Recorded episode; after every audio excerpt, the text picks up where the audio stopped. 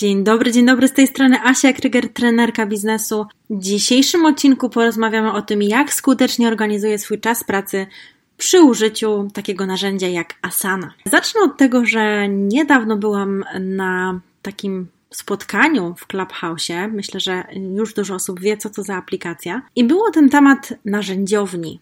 Powiedziałam tam o Asanie i okazuje się, że tam osoby, które tej asany nie znały. Bardzo się zdziwiłam, bo wydaje mi się, że to narzędzie jest już tyle razy omawiane przez wiele osób, więc nie myślałam, że kiedykolwiek nagram o tym odcinek. Natomiast dzisiaj opowiem Ci właśnie o Asanie, które jest narzędziem mojej pracy, codziennej pracy, narzędziem, które pomaga mi rozwijać mój biznes, i zarządzać nim przede wszystkim. Zacznę od takich tematów jak e, codzienna organizacja zadań, mój kod kolorystyczny, sposób tego, jak ja organizuję całe mm, listy zadań, projekty i tak dalej. Zanim jednak przejdę do konkretów, chciałabym Ci troszeczkę jeszcze powiedzieć, że to nie jest tak, że Asana mm, pomaga mi zachować ten work-life balance w 100%.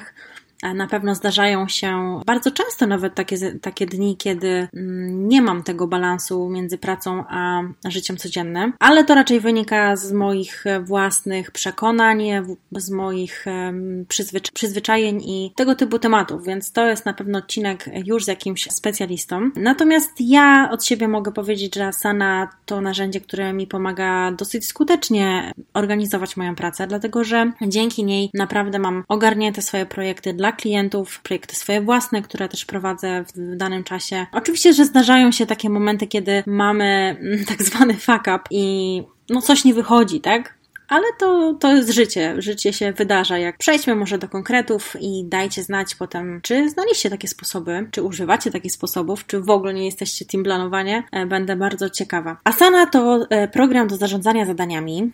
Jest to dosyć rozbudowany program. Podobnie działa jak Trello, natomiast Trello działa tylko na zasadzie metody Kanban, czyli takiej wizualnej metablicy, a w Asanie mamy takich możliwości wiele. Jest to zarówno Kanban, czyli tablica, jak i widok kalendarzowy. Tak samo mamy tutaj opcję rozpisywania projektów. Całkowicie nie, nie musimy mieć jakby osobnych tablic, tylko wszystko jest jakby w jednej Asanie, ale możemy mieć różne projekty. Mamy też listę taką zadań, którą możemy, do której możemy przypisać po prostu godziny, kolory, tagi, wszystko to sobie pooznaczać. Na początku może się to wydawać e, takie przytłaczające, dlatego że ja zaczynając w 2000 bodajże 16 albo 17 pracy ze Saną, byłam przerażona ilością możliwości w niej i tak naprawdę miałam takie wow, wow, wow, nie, nie, nie, w ogóle to nie jest dla mnie, ale ja Asanę teraz kocham. Można powiedzieć, że mogłabym zostać ambasadorką Asany i mm, wszędzie ją każdemu wciskać.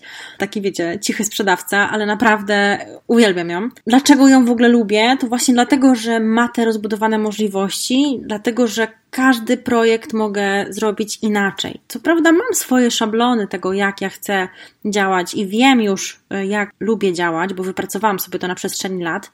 To też nie jest tak, że ja od początku wiedziałam, e, jak tam wchodziłam, jak ja chcę planować, co chcę robić i tak dalej. Na przykład kiedyś miałam taki kod kolorystyczny, jakby tagowałam zadania A, B, C czerwony, pomarańczowy, zielony, w zależności właśnie od priorytetów. E, odeszłam od tego całkowicie, dlatego że było mi ciężko wyznaczyć, co jest priorytetem po prostu. A teraz, nie widząc tych kolorów i nie martwiąc się, że coś mi się świeci na czerwono, korzystam też z kodu kolorystycznego, ale na zasadzie tagowania konkretnego rodzaju zadań. Na przykład niebieskie to Brand Girls, żółte to spotkania, różowe to Creative Vibes, czerwone to konkretny klient i tak dalej, i tak dalej. Takich kodów kolorystycznych można sobie e, utworzyć wiele, to jest taki mój sposób.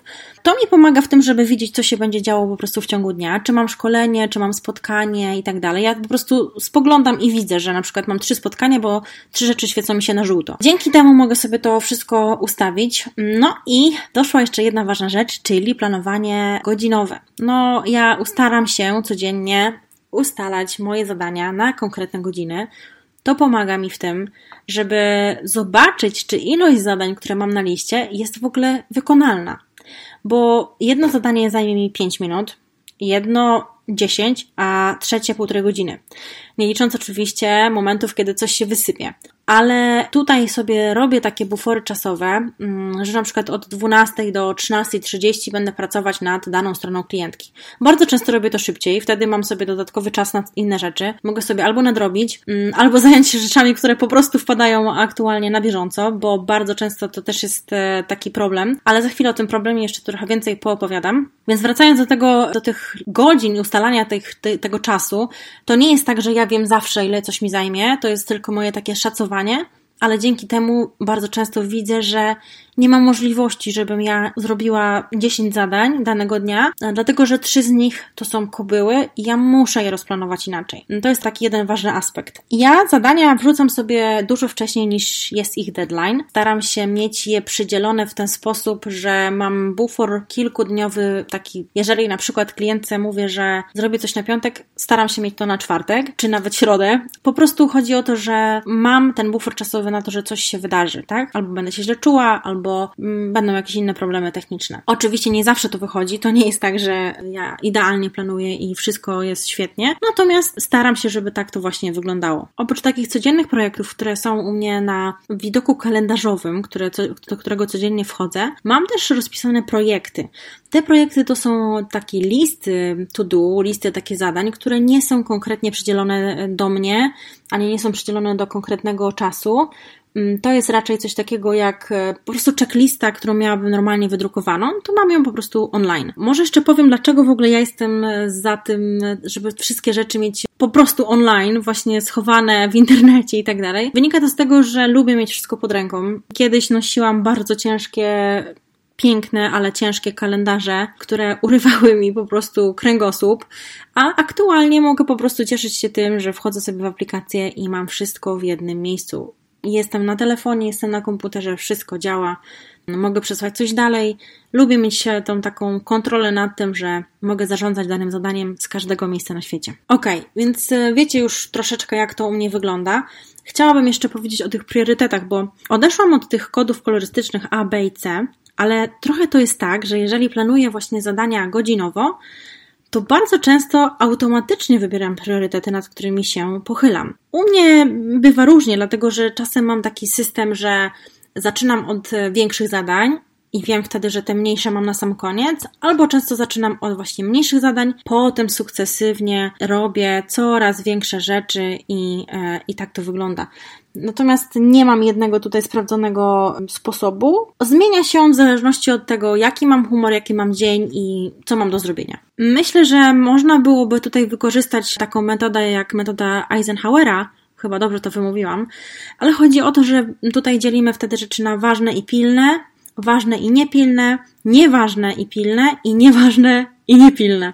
Myślę jednak, że zajęłoby mi to dużo więcej czasu. Może y, w niektórych przypadkach by mi oszczędziło, dlatego że w momencie, kiedy miałabym rzeczy nieważne i niepilne, to potrafiłabym je sobie troszeczkę odłożyć. Natomiast y, no, nad tym to już będę y, pracować na pewno na jakichś tam indywidualnych sesjach, może z psychologiem. A dlaczego z psychologiem? Dlatego, że tutaj jest raczej praca nad przekonaniami, właśnie nad asertywnością i tego typu tematy. Myślę też, że jedną z takich rzeczy, które można tutaj omówić, to też prokrastynacja, e, czyli odkładanie zadań na później. Tutaj trzeba przestać wyolbrzymiać zadania, skoncentrować się na tym, dlaczego w ogóle coś chcemy zrobić i małymi krokami iść do celu. Znaleźć czas w kalendarzu zamiast Netflixa, e, scrollowania Instagrama i tak dalej, bo wiem, że się da i że te rzeczy nas pochłaniają godzinami bardzo często. Polecam Wam, e, jeżeli macie taką opcję w telefonie, żeby sprawdzić ilość godzin, jaką spędzacie na danych social mediach i naprawdę się okaże, że bardzo często, że macie do wykorzystania e, dodatkowe 2-3 godzinki nawet. Więc tak, tak to wygląda. Warto walczyć z tą prokrastynacją i w ogóle z takimi przekonaniami odnośnie planowania zadań, czasu itd. Tak Wiem też, że bardzo często problemem jest to, że robimy kilka rzeczy naraz, czyli tak zwany multitasking, który nie pomaga nam w uważnym robieniu konkretnych zadań, w działaniu nad daną rzeczą, skupieniu się nad czymś. Myślę, że aktualnie XXI wiek, ilość rozpraszaczy, powiadomień z Instagrama, z Facebooka, z komputera, z czegokolwiek po prostu, no nie pomaga w tym.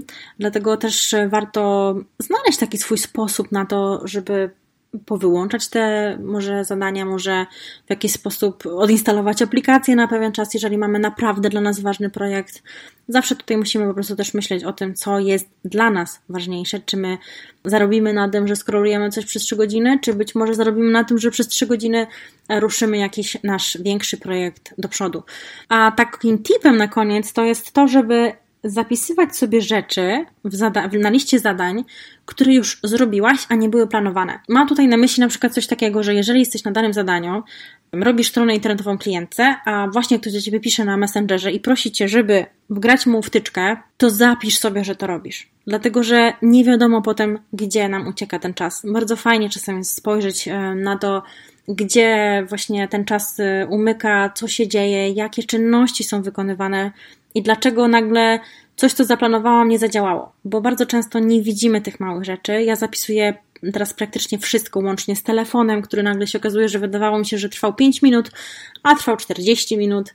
Więc to są wszystko te tematy, które warto zapisywać i analizować go, jak to wygląda. Ok, to na dzisiaj tyle. Taki krótki e, odcinek po prostu o planowaniu, o tym, jak ja to robię. Jeżeli ktoś z Was będzie zainteresowany tym tematem, to oczywiście serdecznie do siebie zapraszam. Natomiast moim takim instagramowym guru dotyczącym asany jest Ania Studzińska, która totalnie po prostu wymiata w asanie. Ta dziewczyna to petarda, jeśli chodzi o konkretne zadania, rozkładanie projektów.